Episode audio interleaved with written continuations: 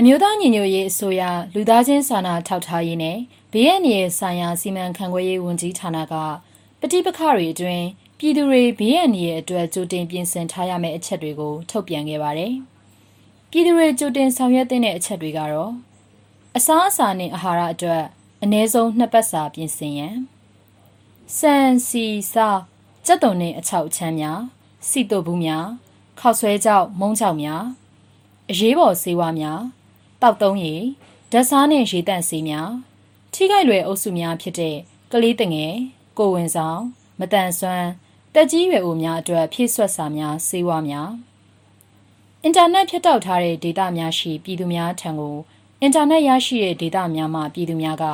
ဖုန်းသတင်း SMS သတင်းပေးပို့ခြင်းများဆောင်ရွက်ရန်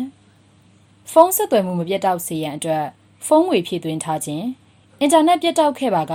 ငွေထက်မှန်ဖြည့်သွင်းနိုင်ရန်အတွက်ငွေဖြည့်ကပ်များကြိုတင်ဝယ်ယူထားရန်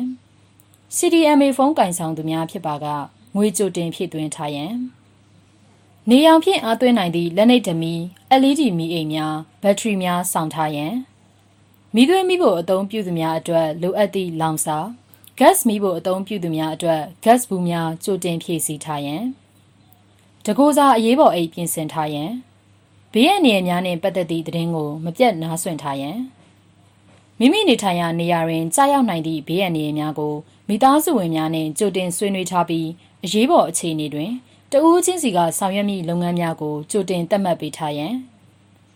နေအိမ်တွင်ဘေးကင်းအလုံးစုံဆုံးနေရာကိုကြိုတင်သတ်မှတ်ထားပြီးမိသားစုဝင်များကိုအသိပေးထားရန်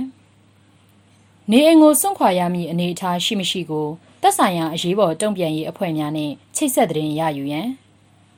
အရေးပေါ်အခြေအနေများတွင်သတင်းအချက်အလက်ရယူနိုင်မည့်နည်းလမ်းများအချင်းချင်းဆက်သွယ်နိုင်မည့်နည်းလမ်းများကိုကြိုတင်ပြင်ဆင်ထားရန်